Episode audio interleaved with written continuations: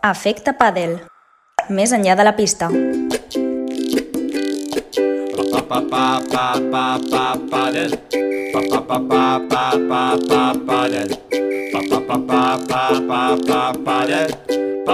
pa Bon dia, bona tarda, bona nit, perquè és igual quan i on ens escolteu. Benvinguts a Efecte Padel. Jo sóc l'I Carlita. I jo sóc el Pau Alà. Després d'entrevistar tres persones diferents en els primers tres programes, avui farem un Efecte Padel una mica diferent. Per què, Pau? Explica una mica quin és el menú del, del dia. Bueno, el motiu és clar, la setmana passada, com vau poder escoltar, l'entrevista al CEO del World Power Tour, a Borges, eh, va donar molt de sí. Tant que no la vam poder analitzar al final del programa, com acostumem a fer, i es va allargar, es va allargar més de l'habitual la conversa. Ens vam quedar sense la secció del tie-break i per aquest motiu avui començarem analitzant l'entrevista al Lisandro Borges i després, en aquesta secció, sí que tindrem una convidada molt especial, oi, Icar? Efectivament, avui estigueu atents al final del programa, al tie break, perquè conversarem amb la periodista Danae Boronat. Però la Danae no segueix normalment el, el futbol? Això és així, Pau, i la majoria dels nostres oients segurament també s'ho estaran preguntant. Però avui parlarem de pàdel amb la Danae, perquè també juga fins al punt de participar a la segona edició del Torneo de les Estrelles. Un torneig amb molt de glamour, com bé diu el nom, i que és organitzat per l'streamer de moda, Ibai Llanos, que tothom el coneix. Exacte, en parlarem després, al tie break, amb la periodista Danae Boronat. Pau, primer de tot, com dèiem, l'altre dia ens vam quedar sense temps per començar. Què t'agradaria destacar de l'entrevista al Lisandro Borges? Bueno, hi ha molts punts que podríem destacar, però el primer jo crec que és el, el mateix nom explica, no? el motiu de Players Padel Tour. Eh, com bé va explicar ell, eh, és un torneig ideat pe, pels jugadors per millorar les condicions que tenen avui en dia al World Padel Tour i això més enllà d'altres objectius que evidentment tindrà Lisandro com, com a empresari, doncs eh, és molt positiu de cara al món del pàdel que vulguin millorar la condició d'aquests jugadors que avui en dia, eh, en un esport que està creixent molt, un torneig que cada cop el, el veu més gent, doncs sí que és veritat que, tal com ens va explicar, les condicions són realment, en alguns casos, força, força lamentables, no, Icar? Exacte, ja entrant en l'anàlisi de, del que va donar així l'entrevista i les respostes del Lisandro Pau, jo crec que, que està molt bé tot el que planteja, però realment clar, està parlant d'un futur encara un pèl llunyà, com és el 2024. Va explicar que els jugadors tenen contracte fins al 2023 i vull veure no? de fins a quin mm. punt això es podrà dur a terme i quina és la resposta que, del World Que també s'ha de dir que, que si ell té la idea de començar el, 2020, el 2024 té molt temps en, en treballar en això no? i al final aquest temps doncs, eh, pot ser molt bo a l'hora també de, de plantejar un torneig on, evidentment, com he dit abans, ell tindrà els seus propis interessos econòmics, eh, com qualsevol empresari, però eh, per treballar més bé aquesta part per convèncer els, els jugadors que se'n vagin a The Players Padel Tour i, i deixin el, el World Padel Tour com, com planteja ell. Home, un dels temes a tenir en compte que evidencia que els jugadors no estan en bones condicions és que la majoria d'ells, eh, els que no guanyen, diguem, eh, viuen de les classes que fan de pàdel. Això, doncs, portant-ho a un cas extrem, és com si els futbolistes de primera divisió Sí, sí.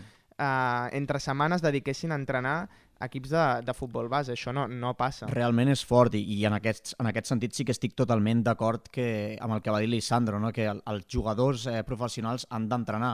Les classes són pels professors, ell ho va dir així i, i, i, i realment és cert. O sigui, no pot ser que un jugador professional que estigui jugant un torneig de prestigi al, al World Padel Tour al final hagi d'entrenar 5-7 hores a la setmana per, per guanyar-se la vida. No? Però també el que cal tenir en compte és que, clar, Lisandro està enfocant el pàdel del 2024, que ja serà doncs, un pàdel més evolucionat, més professional. Ja ho és, però d'aquí uns anys encara ho serà més. Però el World Padel Tour també ve de, de zero Clar, i és qui clar, ho ha clar. creat tot. I, per tant, també és normal que per començar doncs, alguns jugadors, potser ara ja no és el, el moment perquè segueixin fent classes i, i el 2024 encara menys si tot continua amb aquesta evolució. Home, i, i Però jo- el Volpa del Tour de moment és qui ho ha fet tot i m'estranya doncs, que si el pàdel segueix creixent d'aquí el 2024 no millorin ells les condicions. Evidentment, jo crec que el panorama serà molt diferent. Eh, al final arribarà un moment que si la tendència segueix així, el pàdel cre segueix creixent com està creixent, eh, el propi World Padel Tour dirà a veure, anem, anem a parlar amb els jugadors i, i, i anem a veure què passa aquí. De fet, com ens va explicar el Lisandro bé, hi, hi existeix un sindicat de jugadors que ells també el que pretenen és que es millorin les seves condicions però eh, sí que és veritat que, bueno, eh, també el fet de que Lisandro estigui plantejant aquest de Players Padel Tour pot ser un motiu perquè el propi World Padel Tour doncs, eh, intenti també millorar encara més les condicions dels jugadors. O sigui, d'aquí el 2024, com bé has dit, eh, hi ha molt camí encara amb característiques diferents eh, es pot comparar, per exemple, una mica amb el tema de la Superliga i la Champions, no? Uh, Superliga vol, vol fer una lliga diferent, en aquest cas doncs, no, no es posen a millorar les condicions perquè ja són molt bones, però sí que a nivell de- d'espectacle de, i de competició plantegen un sistema totalment diferent i hem vist com la Champions té la paella pel mànec i s'ha quedat amb la majoria de, de clubs i, i això veurem també com, com evoluciona, però per exemple Clar, clar. la, la, és una mica el que podria passar amb el World Tour, que el, que el Lisandro plantegi aquesta competició, però al final, si la gran majoria de jugadors no li donen suport, no ho podrà tirar No, no, endavant. i, i evidentment, ell l'altre dia ens va parlar de triplicar les condicions econòmiques que hi ha avui en dia. Clar, ha de, com, ha de convèncer els jugadors Això a d'alguna novembre manera. de 2021. Veurem quines són aquestes condicions el 2023, quan els jugadors acabin contracte amb World Padel Tour, com bé ens va explicar eh, en Lisandro, i si ell realment, en, en aquell moment, no sé si els jugadors ja tindran unes millors condicions o no a Padel Tour, això evidentment sempre estem parlant de- d'hipòtesis, però si milloren les condicions dels jugadors, que, que sembla que al final eh, és una cosa que passarà sí o sí d'aquí el 2023, si, si la tendència segueix així com, com hem dit, doncs a veure si el Lisandro també és capaç de, de poder millorar encara més les condicions que ofereix el, el propi World Padel Clar, Tour. el, el que és evident és que per convèncer els jugadors, que són els protagonistes, es fa millorant les condicions. Després, més enllà de, de com pagaria i com no i com estaria organitzat, el tema de que hem anat veient com el pàdel ve molta herència del tennis, Hmm. el Lisandro Borges també s'hi fixa amb això i comentava un model inspirat amb, amb l'ATP. I aquí on és, jo crec que on pot haver-hi la gran diferència. No? Ell, ell va dir que, que es va fixar molt sobretot en el tema de la propietat de, de, de l'ATP, que és 50% del jugador, 50% de l'organització, en aquest cas, una cosa que no passa en el World Padel Tour, que el Lisandro sí que vol implementar eh, en el seu projecte, i que això jo crec que realment eh, sí que personalment crec que és el que pot marcar la diferència per tal de convèncer els jugadors a l'hora de, de, de, que, de que es canvin de, de circuit, no? Eh, el fet de que el 50% del torneig sigui seu, d'aquest circuit sigui seu, doncs al final els donarà molt més poder que no el que tenen ara amb el World Padel És el que comentàvem, va amb el mateix nom de la competició. El Lisandro, en el seu discurs, eh, això sí que ho té, tota l'estona parla del jugador perquè és, és a qui ha de convèncer i les marques, els inversors, eh, tothom a qui segueix al final eh, és el protagonista i, i ho deixa molt clar en el seu discurs. Clar, potser no va entrar tant doncs, amb què és el que realment amb ell... Ell ja, ja és organitzador d'un Mm, campionat sí, com sí, el sí. World Padel Tour de Buenos Aires, no va explicar quin benefici trauria si és amb un altre tipus de, de competició. Del que sí que va parlar, tot i això, és dels propietaris de, de cada torneig. Sí, bé, el Lisandro ens va explicar, eh, si veu escoltat l'anterior programa, que ahir el que faria seria crear un propietari per, per cada seu on es jugui el World Padel Tour, no? Ell ens va posar l'exemple de, de dir, clar, jo, per exemple, amb el World Padel Tour porto anys mm, treballant, sí. eh, aquests anys eh, me'ls he currat jo, eh, si també eh, el World Padel Tour d'Argentina, que és en aquest cas el que organitza ell, està on està és perquè jo m'he currat, eh, durant tot aquest temps he fet una bona feina i ara potser s'ho queda un altre. Clar, amb això té raó, però també és veritat que és una mica perillós també que, que cada propietari, o sigui, cada seu, perdó, tingui el, el seu propi propietari i d'aquí no es pugui sortir. I, I en aquest sentit sí que ell segurament tindrà un punt de vista molt diferent al nostre sobre, sobre aquest tema, però a mi una cosa que em va deixar un pèl inqui, in, inquietat eh, va ser el tema de, del rànquing unificat, no? que ell va dir eh, no pot haver-hi competències de World Padel Tour uh, o de Players, eh, el World Padel Tour en aquest cas, o de Players Padel Tour. I el fet de que segueixi havent un monopoli doncs, eh, t'indica que es pot anar fent la bola encara més gran, pot Sí, anar encara sí, creixent sí, més, sí. i al final els beneficis econòmics, per molt que millores les condicions, se'l se segui, se segueixi quedant al, a l'organitzador en això, aquest això cas. sempre és així. Uh, totes les competicions, uh, al final, els jugadors poden cobrar molt, per, però també perquè en generen moltíssim per altres persones. Uh, a mi això, clar, va parlar com de mantindrem el monopoli, no? Sí, però un sí, sí. monopoli eh, més favorable, Sí, amb unes sí, sí. condicions Que, diferents. que també és cert que en aquest sentit Clar. el que parla ell del rànquing unificat sí que és cert que, que hi hagi un rànquing unificat sí, sí que és positiu, no? Per, Sí, sí, sí. perquè les parelles... A nivell de rank- competició, sí. Exacte. Però el fet de que hi hagi un monopoli, doncs a mi la veritat és que s'ha de veure si, si el pàdel segueix creixent com està creixent, eh, el fet de que sigui un, un monopoli tampoc és, és del tot positiu per, per l'esport. No? Tot, tot dependrà de, de com evolucioni eh, aquests anys i sobretot el que és clau és eh, mantenir, eh, deixar molt clares les, les condicions d'entrada i assegurar-se eh, que es mantindran eh, en un futur i que fins i tot doncs, es poden revisar, depèn de, de com evolucioni. Bueno, veurem com, com acaba tot això. En tot eh... cas, Pau, potser i vam estar parlant amb una persona que d'aquí uns anys pot convertir-se en potser la persona més important dins del món del pàdel. Evidentment, evidentment. I, i, I res, ens va parlar de moltes coses. Nosaltres animem els nostres seguidors. Eh, recordeu que ens podem seguir a xarxes eh, socials, tant a Twitter com a, com a Instagram, Efecte Padel, i doncs allà us animem de que també doneu la, la vostra opinió I tant. sobre tot el que va explicar el Lisandro, que ens va explicar moltes coses, que anime, us animeu a participar i, i nos, a preguntar fins i tot si, si teniu qualsevol, qualsevol pregunta i nosaltres estarem encantats de- d'interactuar amb, amb tots vosaltres. Exacte. Un altre tema del qual ens va parlar el Lisandro va ser el creixement del pàdel a Sud-amèrica i altres països. Aquest cap de setmana hem tingut el Mundial de Pàdel a Qatar i sembla que els dominadors encara són clars, eh? Sense cap dubte, Espanya i Argentina segueixen sent amb diferència els dos països que més representació tenen a nivell professional i, evidentment, com no podia ser d'una altra manera o com indicava que, que se- seria, van tornar a ser els grans protagonistes. No? El combinat espanyol es va pro proclamar campió tant en categoria masculina com femenina i, com no, els albicelestes van quedar segons. I, de fet, si ens fixem, si anem més enllà i ens fixem en la història recent dels Mundials, cap altre país més enllà d'Espanya i Argentina ha estat capaç de proclamar-se campió del món. Per tant, Icar, veiem que encara hi ha molta feina per fer perquè el pàdel creixia a nivell global, oi? Exacte, segur, segur que, que creixerà molt i un d'aquests països que domina, com és evident, a Espanya, el pàdel és una moda eh, tan clara que no només se celebren tornejos oficials o els de clubs i federacions, sinó també tornejos eh, més de, des del punt de vista de l'aficionat, com és el Torneo de les Estrelles, eh, organitzat per l'streamer Ibai Llanos. Anem a parlar d'aquest torneig al tiebreak. El tie break. Torneo de les Estrelles. Pau. Sí, i estrelles de diferents àmbits. Vam veure des dels youtubers DJ Mario o Hot Consumer, l'exjugador del Barça Javier Saviola i fins i tot els periodistes Ciro López eh, o Rubén Martín de, de la COPE. Interessant barreja d'estrelles de tot una mica, Pau. També va participar, per exemple, Cristóbal Soria. Nosaltres amb qui parlarem per això és amb la periodista Danae Boronat. Una periodista coneguda per presentar programes de futbol a Movistar Plus i Vamos i també per participar en diversos mitjans com RACU o Catalunya Ràdio. Doncs bé, la Danae, també Icar, eh, va fer parella amb una companya seva de professió, en aquest cas Irene Junquera.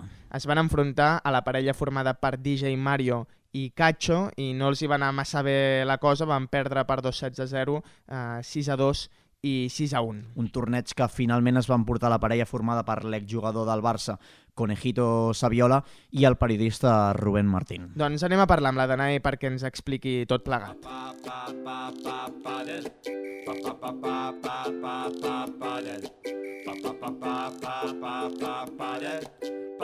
Hola Danae, benvinguda a Efecte Padel. Què tal, com estàs?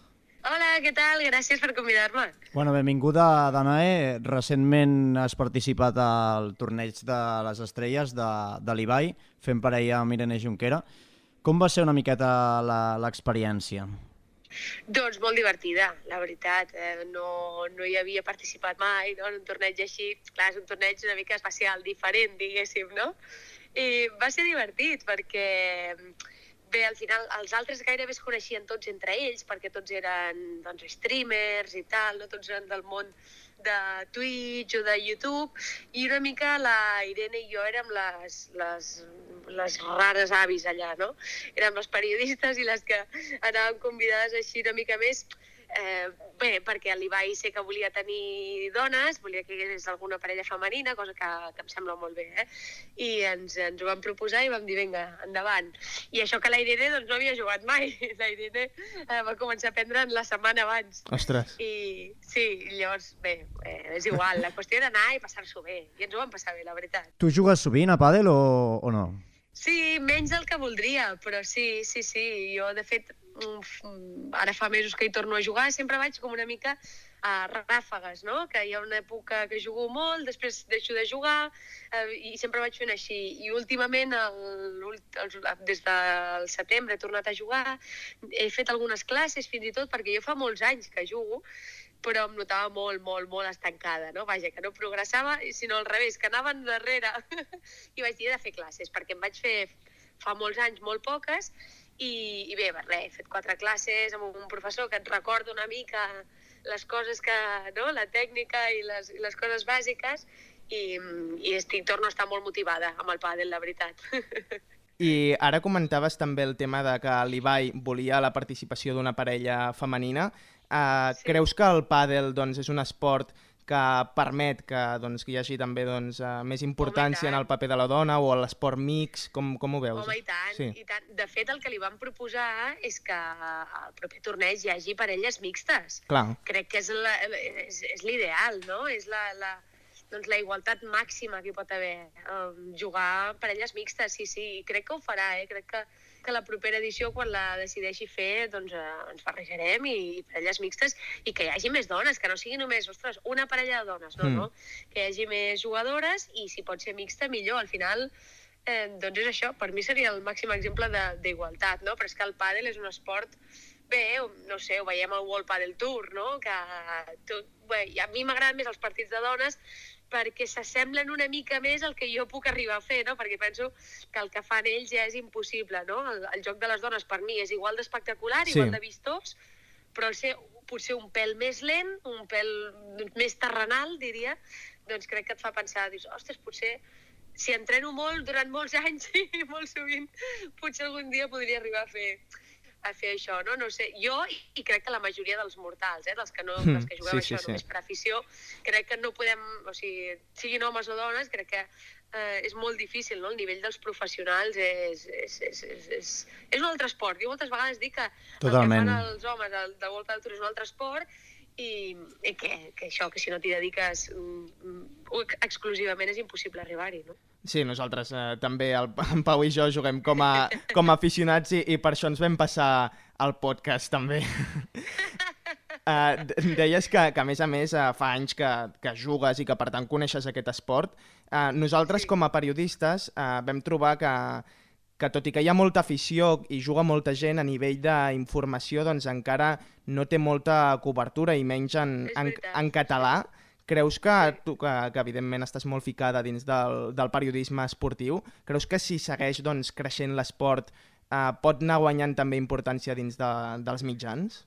Això seria el, la tòrica natural, no? Seria el més lògic, que cada vegada hi ha més practicants de pàdel. És que jo crec que és un esport, jo no diria ja de moda, jo crec que és un esport consolidadíssim Sí. a Catalunya, molt. Eh, tots, tots coneixem, tenim amics i gent que juga a pàdel de qualsevol edat, diria, pràcticament, i no sé, jo crec que, que hi ha molta afició i que, per tant, seria lo natural que, doncs, que t'ho trobis molt més als mitjans. Jo, com a mínim, crec que en televisió sí que ja se li ha d'estar donant bastanta bola, perquè, clar, perquè és espectacular de veure, no? I el que passa que a nivell de, de premsa, no?, així és més complicat, perquè al final el, el pàdel jo crec que és un esport eminentment televisiu, no?, de, de veure'l i de gaudir-lo, eh, pues això, en pantalla i, Mm. i de passar-t'ho bé perquè és molt divertit. Bueno, i una última cosa que et volíem preguntar també, d'anar aprofitant que has participat a, al torneig de l'Ibai, és que últimament bueno, s'ha parlat molt del món dels streamers, eh, una mica comparant amb el, amb el tema del periodisme i tot. Eh, volíem preguntar-te com veus aquest món i si creus que eh, una mica la tendència també que hem vist que molts periodistes s'han passat fins i tot al, al Twitch, que pots canviar una mica la tendència del periodisme en un futur.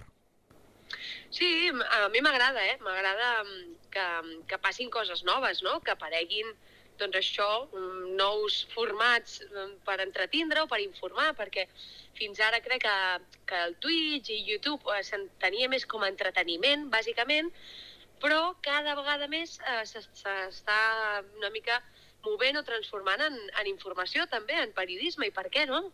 Si avui en dia tenim l'oportunitat amb, amb els mitjans tècnics que tenim de- d'això, d'informar, d'entretindre, de moltes maneres. Els mitjans tradicionals el que han de fer és posar-se les piles, adequar-se al que li agrada a la gent ara, no? el que demanda la gent jove, evidentment sense oblidar-te del que volen els més grans, no? perquè hi ha molta gent que mira la televisió que, que no mai mirarà YouTube o un canal de Twitch, però, però a mi em sembla molt interessant que sí que hi hagi noves formes de, de comunicació i que, doncs bé, els que portem ja uns quants anys fent periodisme tradicional, per així dir-ho, també ho acceptem o ens adaptem i, i, i ho veiem com una cosa natural. Jo ho, ve, jo ho visc així, eh? sincerament no, no li veig Mm. cap problema, ni, ni a l'Ibai ni, ni a tots els, els del seu perfil, ni molt menys. Doncs amb aquesta reflexió final de la Danae Boronat sobre el periodisme i la seva evolució, eh, deixem aquí aquesta breu entrevista. Danae, moltes gràcies per atendre'ns i ens ha agradat molt escoltar la teva experiència en el món del pàdel. Gràcies a vosaltres, fins una altra. Doncs Pau, eh, un altre més que se suma a la tendència de, del pàdel ja consolidada, eh, com, com diu ella. I cada vegada, cada vegada serem més, seguríssim.